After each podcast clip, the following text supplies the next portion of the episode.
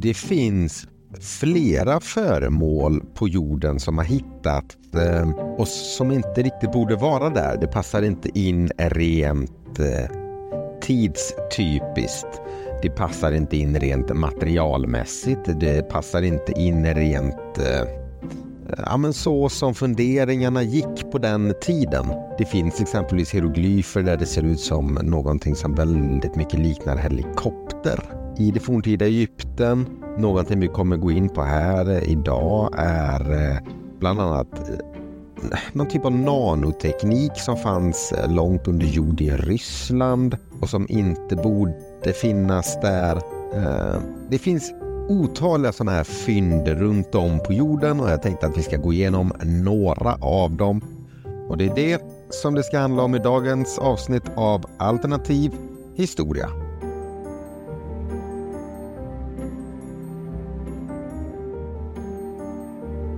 Det jag talade om innan som påminner om nanoteknik hittades alltså djupt under marken på en plats som geologer uppskattar borde vara tusentals år gammal. Det spekuleras det att det kan vara utomjordisk teknologi för att vi hade inte den teknologin eh, när det här lagret jord var ovan jord. Om ni förstår hur jag menar. För att det här var i Ryssland, Sibirien, enormt markområde. Året var 1991, Uralbergen. Det finns mycket eh, mineraler där så tanken var att den här gruppen skulle hitta guld. De började gräva i marken, utforska. Och vad som också hör till historien är att det har setts en hel del eh, mystiska ja, men farkoster eller oidentifierade saker på himlen. Så när de grävde så hittade de under ytan och då pratar vi nio meter ner metallringar och fjädrar. Det var väldigt små detaljer och de flesta gick inte att se utan mikroskop. Det var bara några millimeter stora och vissa var så små som liksom 0,002 millimeter eller någonting. Den här marken de grävde i borde i alla fall vara helt, helt orörd. För att det låg liksom mitt i ingenstans. Och den enda rimliga teorin då vissa tror är att det har störtat en farkost och de här fragmenten då har spridits ut över ett stort metallområde. Eller har då spridits ut över ett stort område. Det hittade tusentals av de här och vissa var som sagt bara 2,5 liksom millimeter. Det var spiraler, det var fjädrar, mer eller mindre nanopartiklar. Sånt som vi kan möjligtvis göra med dagens teknik. Det här var också gjort av sällsynta jordartsmetaller som volfram och molybden. Dessa är ämnen som används idag i rymdskepp och sådär. För att man kan lägga exempelvis molybden i stål, då kan det få olika egenskaper. Här tycker jag ändå att man kan vara lite eh, voice of reasoning, att ändå säga att det kan ju vara någonting som har störtat där. En modern eh, missilprovning, eh, flygplan, stridsflygplan, vad som helst egentligen. Och så kanske det har täckt sig över och så borde det inte ligga någonting där under. Men nu gör det det för att det har störtat. Jag menar, detta var ändå Sovjetunionen. Det höll på med ganska mycket saker. Eh, men onekligen är det väldigt spännande ifall det inte har någon sån förklaring. Det finns eh, en annan grej i Egypten som jag själv har lite sådär, ja, jag är lite skeptisk till den där. Men den kommer ganska ofta upp i sådana här sammanhang som är någonting som inte borde höra hemma i den tiden. Och det handlar om en hieroglyf eller en bild på um, en vägg i det forntida Egypten där man tänker att det är en orm och en lotusblomma. Men där då vissa tror att det är någonting annat, exempelvis en ficklampa eller någonting. För det ser ut som att man håller i eh, en blomma och ut från blomman så kommer det liksom som en vågig stråle som ska då vara den här ormen. Runt det här så är det som en, eh, ja, en rund lång oval kupa. Vissa här tänker då att det är en ljusstråle man håller ut från den här och att det man ser på bilden är väldigt bokstavligt det man ser. Att det är, ja men Det är en ficklampa eller det är en ljusstråle eller någonting.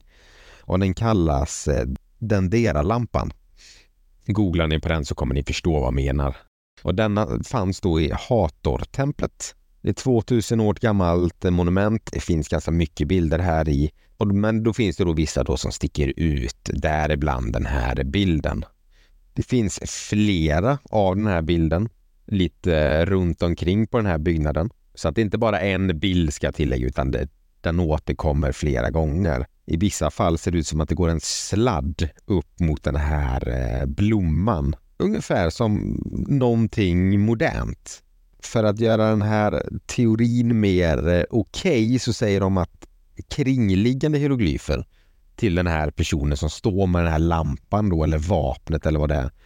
Så finns det andra hieroglyfer som har knivar eller eh, att det finns beskrivningar om ljus och sånt runt den här.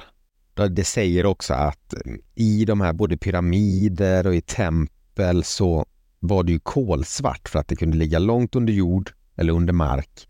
Det var långa korridorer så att det var liksom kolsvart utan någon form av ljus. Här tänker man ju generellt så att de hade väl facklor och grejer, att det var väl det då som var ljusen. Men om man tror att rymdvarelser eller liknande, en annan väldigt utvecklad civilisation och så vidare hade hjälpt människan att göra pyramiderna så hade man ju också Eh, givetvis inte låtit dem stå med en fackla och göra det här. Utan då hade de fått stå i riktigt ljus. Och därav så får det mer legitimitet att de här eh, bilderna egentligen visar någon form av riktig ljuskälla. Tycka vad man vill om det. Jag själv eh, känner väl lite skepsis i den här, men, men vad vet jag?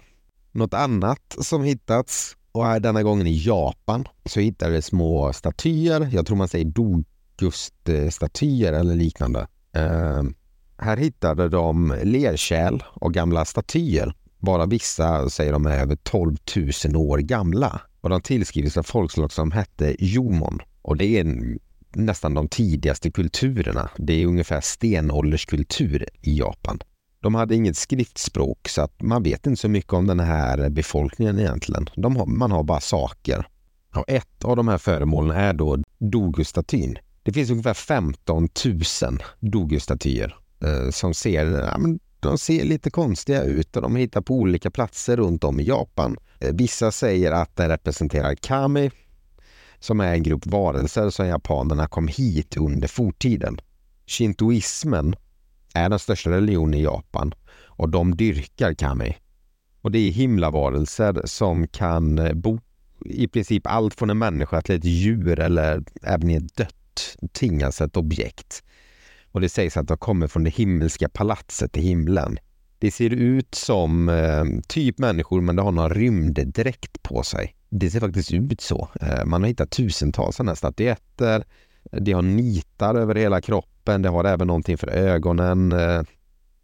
Och här spekuleras det då om att det kan vara en rymddräkt eh, eller någonting det behövde ha för att skydda sig mot våran atmosfär eller solljus eller vad som helst. Men att dessa var deras förfäder. Det var därifrån de här kom. Och att de här statyerna då, eller eh, gubbarna de har gjort, det är, det är porträtt av de här besökarna som kom.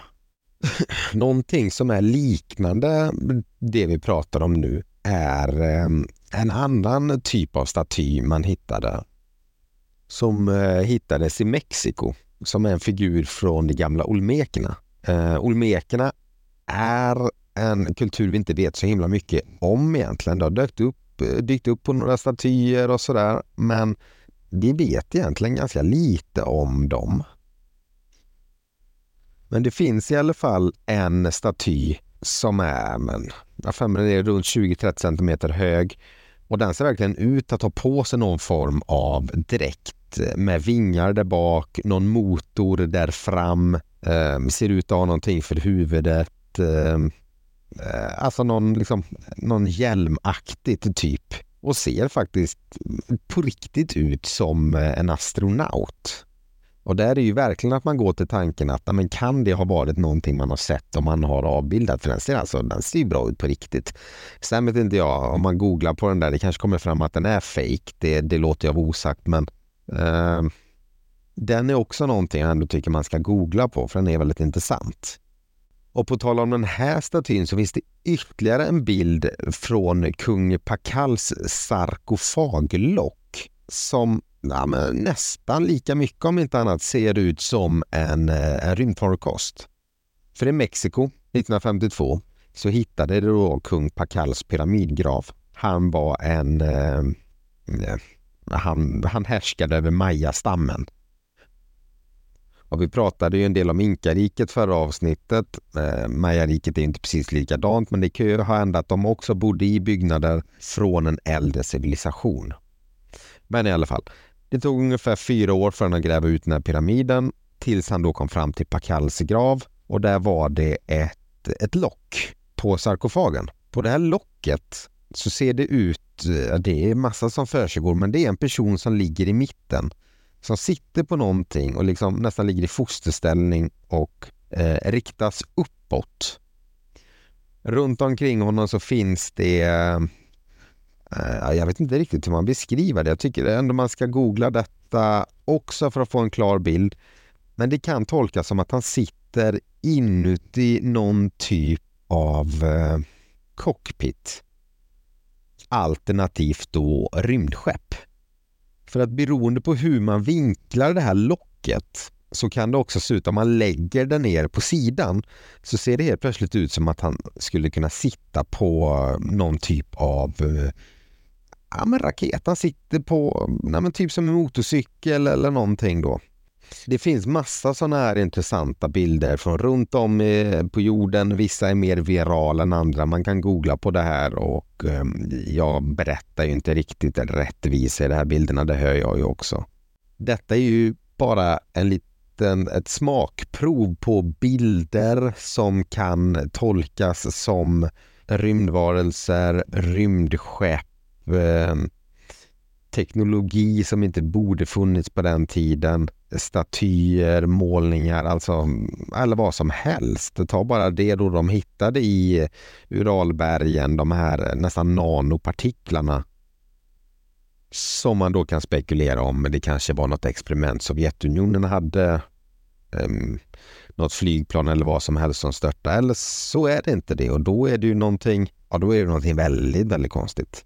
Då är det någonting som egentligen borde sätta hela eh, ja, med hela vår historia i gungning såklart. Alla de här grejerna finns att söka på där hemma om man är mer intresserad.